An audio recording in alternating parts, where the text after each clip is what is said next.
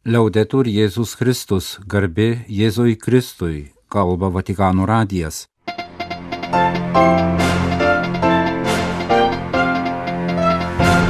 Malonus klausytojai šioje penktadienio rugsėjo 29-osios programoje popiežiaus maldos intencija už sinodą. Pranciško aplankė Tarptautinės tikinčiųjų asociacijos atstovai popiežiaus užuojauta dėl tragiško gaisro Irako krikščionių mieste Musule, įvyko virtualus Pranciškaus susitikimas su studentais katalikais iš Azijos. Popiežius aplankė periferinę Romos parapiją. Ukrainos graikų katalikų didysis arkivyskupas lankėsi Lietuvoje. Apie vienuolių apaštalavimą per žiniasklaidą.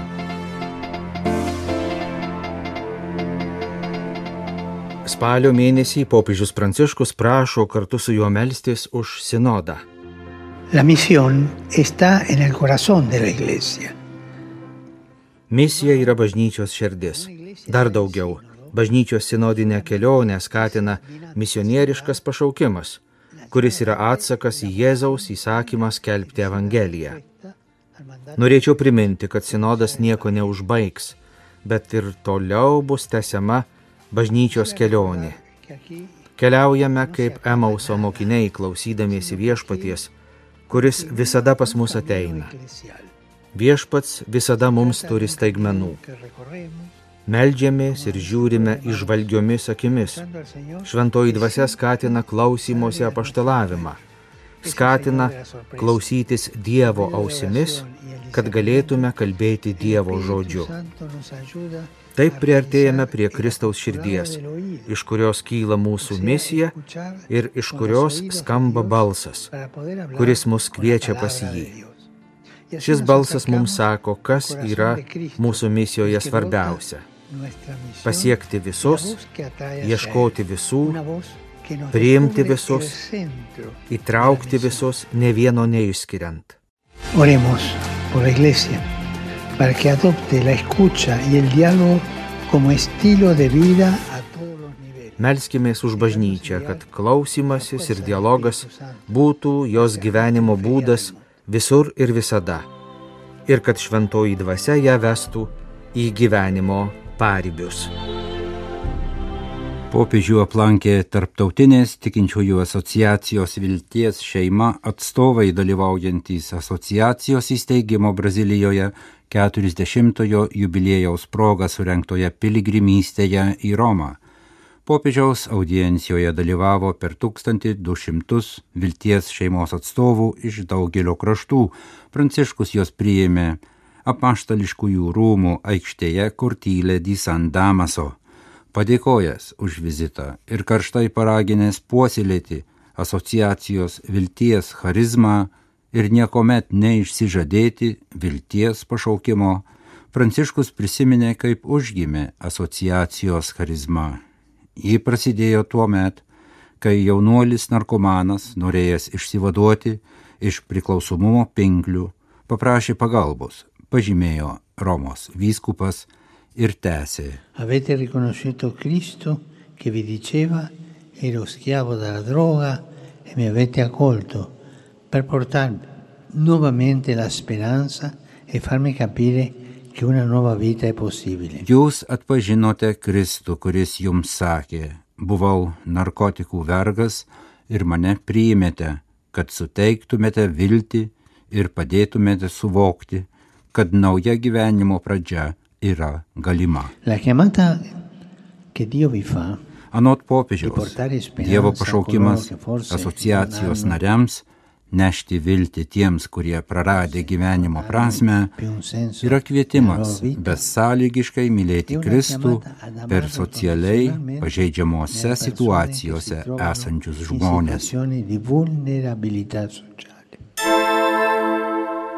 Baisi nelaimė sukrėtė greta antrojo pagal dydį Irako miesto Musulo esančioje Ninevės lygumoje stovinti Hamdanijajos arba Karakošo miestą - krikščionišką salą musulmonų daugumos visuomenėje, kurią 2021-aisiais aplankė ir popiežius Pranciškus.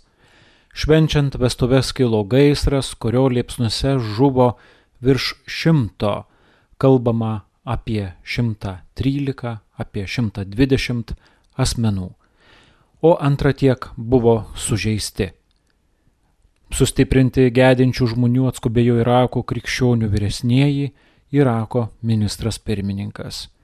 Pasak Irako spaudos, gaisras kilo miesto pakraštyje esančioje didelėje į palapinę panašioje konstrukcijoje, pritaikytoje pokeliams.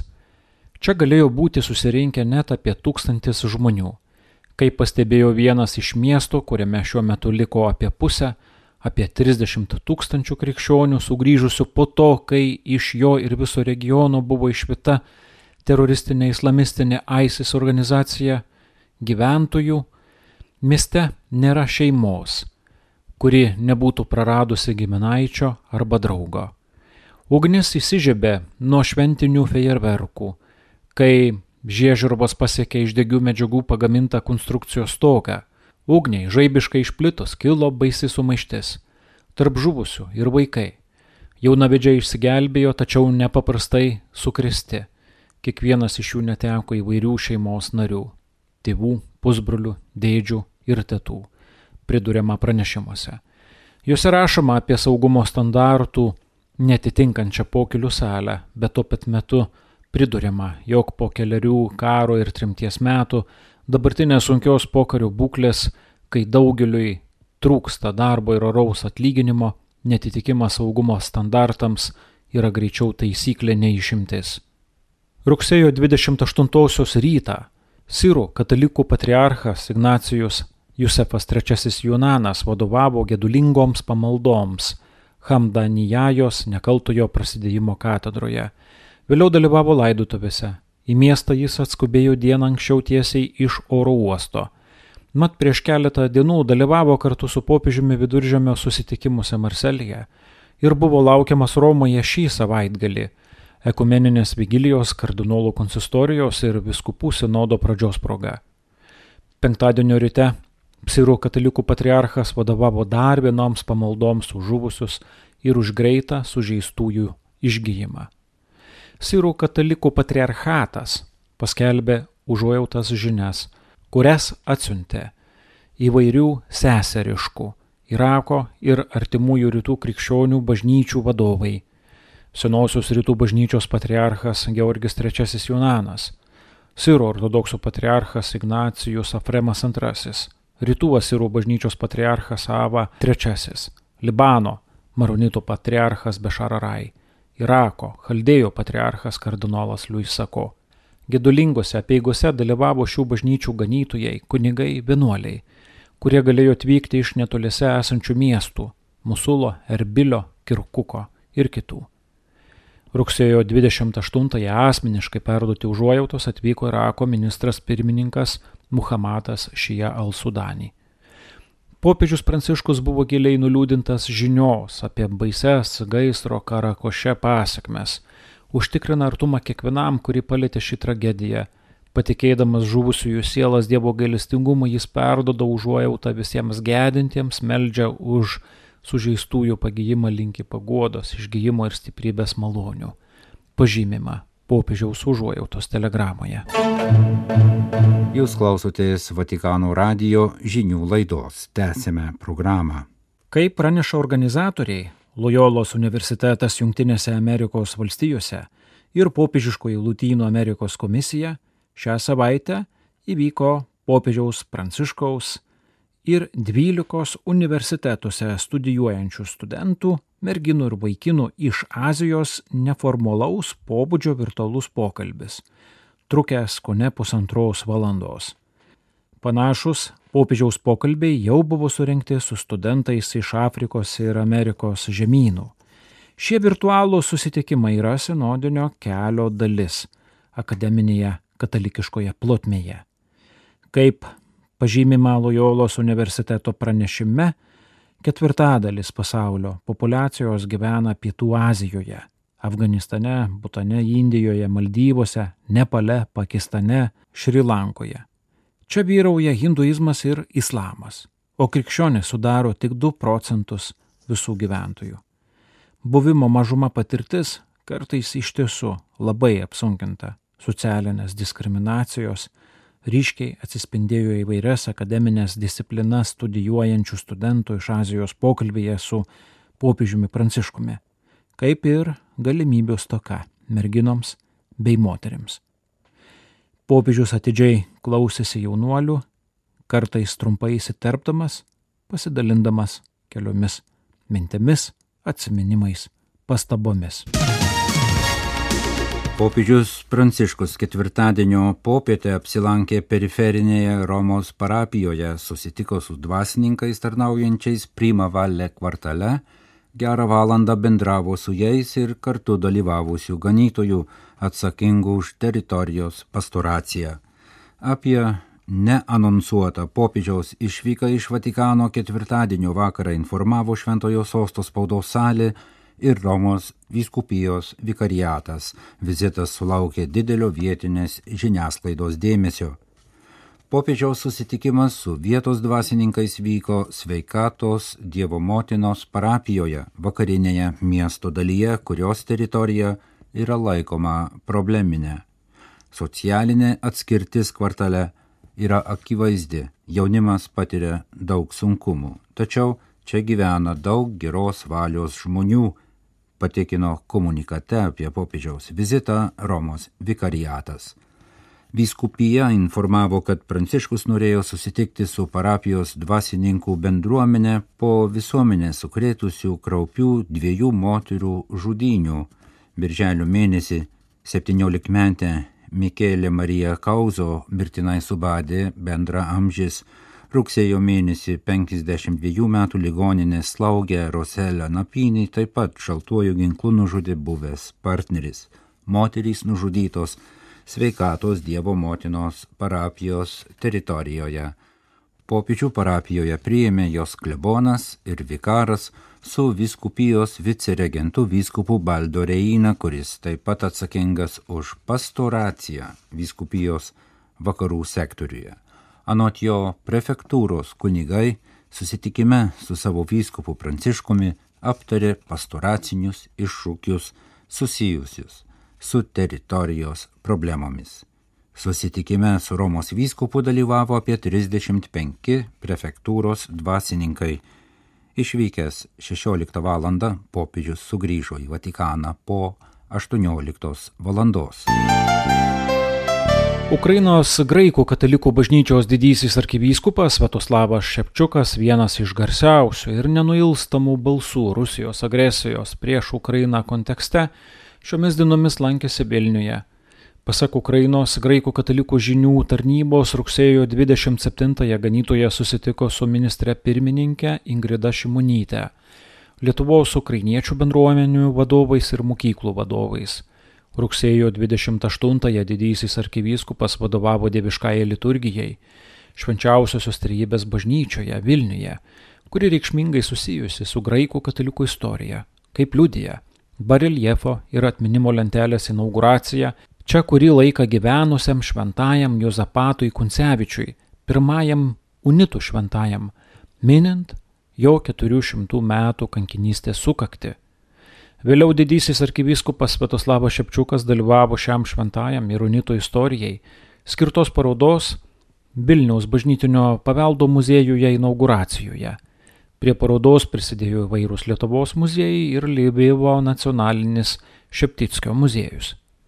Tarp kitų Svetoslavo Šepčiuko vizito Lietuvoje momentų - fotografijos parodos aplankimas Ukrainos centre Vilniuje, lydima pirmosios krašto ponios Dianos Nausėdinės ir malda prie aušros vartų Dievo motinos ikonos. Vizito metu Lietuvoje ukrainietį ganytoje lydėjo Vilniaus arkivyskupas metropolitas Gintaras Grušas.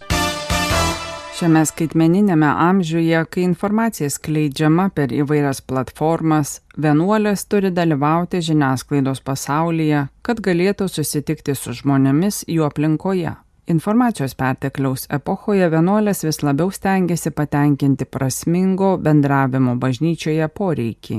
Vienuolės pasirinkusios žiniasklaidos apaštalavimą suprato, kad jos nebegali likti nuo šalyje, mokyti pradinėse mokyklose ar dirbti ligoninėse, kad ir kaip svarbu tai būtų.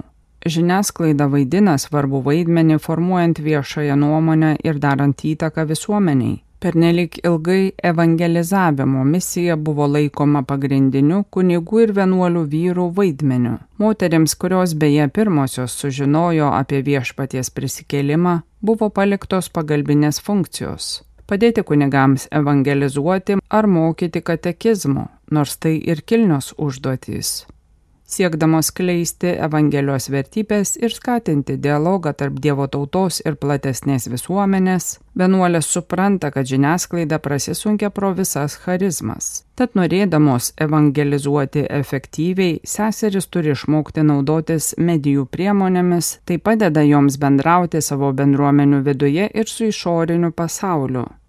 Tikėjimo perteikimas arba apaštalavimo misija žiniasklaidos pasaulyje bažnyčioje apima įvairių žiniasklaidos platformų, įskaitant tradicinės spausdintinės, transliuojančias ir naujų, tokių kaip socialinė ir skaitmeninė žiniasklaida, naudojimą, skleidžiant Evangeliją, tikėjimo mokymą. Apaštalavimas žiniasklaidoje leidžia vienuoliams perteikti savo tikėjimą kitaip nei vyrai Tai suteikia unikalią galimybę pasiekti platesnę auditoriją.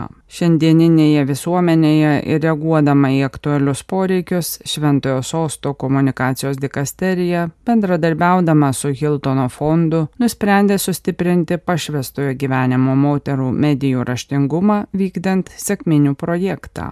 Pagal šią iniciatyvą vienuolinės kongregacijos yra skatinamos leisti savo narėms studijuoti žiniasklaidą ir baigti trumpus komunikacijos kursus internetu, specialiai sukurtus vienuolėms arba siunčiant seseris į Vatikano komunikasterijos dikasteriją trijų mėnesių praktikai. Taip jos įgyja naujų žinių per praktinę pameistrystę, tobulina pasakojimo ir žurnalistikos meno įgūdžius, kad galėtų veiksmingiau perteikti savo tikėjimą. Kai kurios vienuolinės kongregacijos įtraukė žiniasklaidos kursus į vienuolių formacijos procesą. Bet kuriuo atveju dauguma jaunų pašaukimą pajutusių seserų, kurios šiandien pradeda vienuolinį gyvenimą, jau išmano žiniasklaidos ypatumus apaštalaudamos mokyklose, sveikatos priežiūros sektoriuje ir socialinėse tarnybose, vienuolės dažnai atsiduria visuomenėje vykstančių įvykių prieš akiją. Apaštalavimas per žiniasklaidą tampa seserų evangelizavimo misijos dalimi.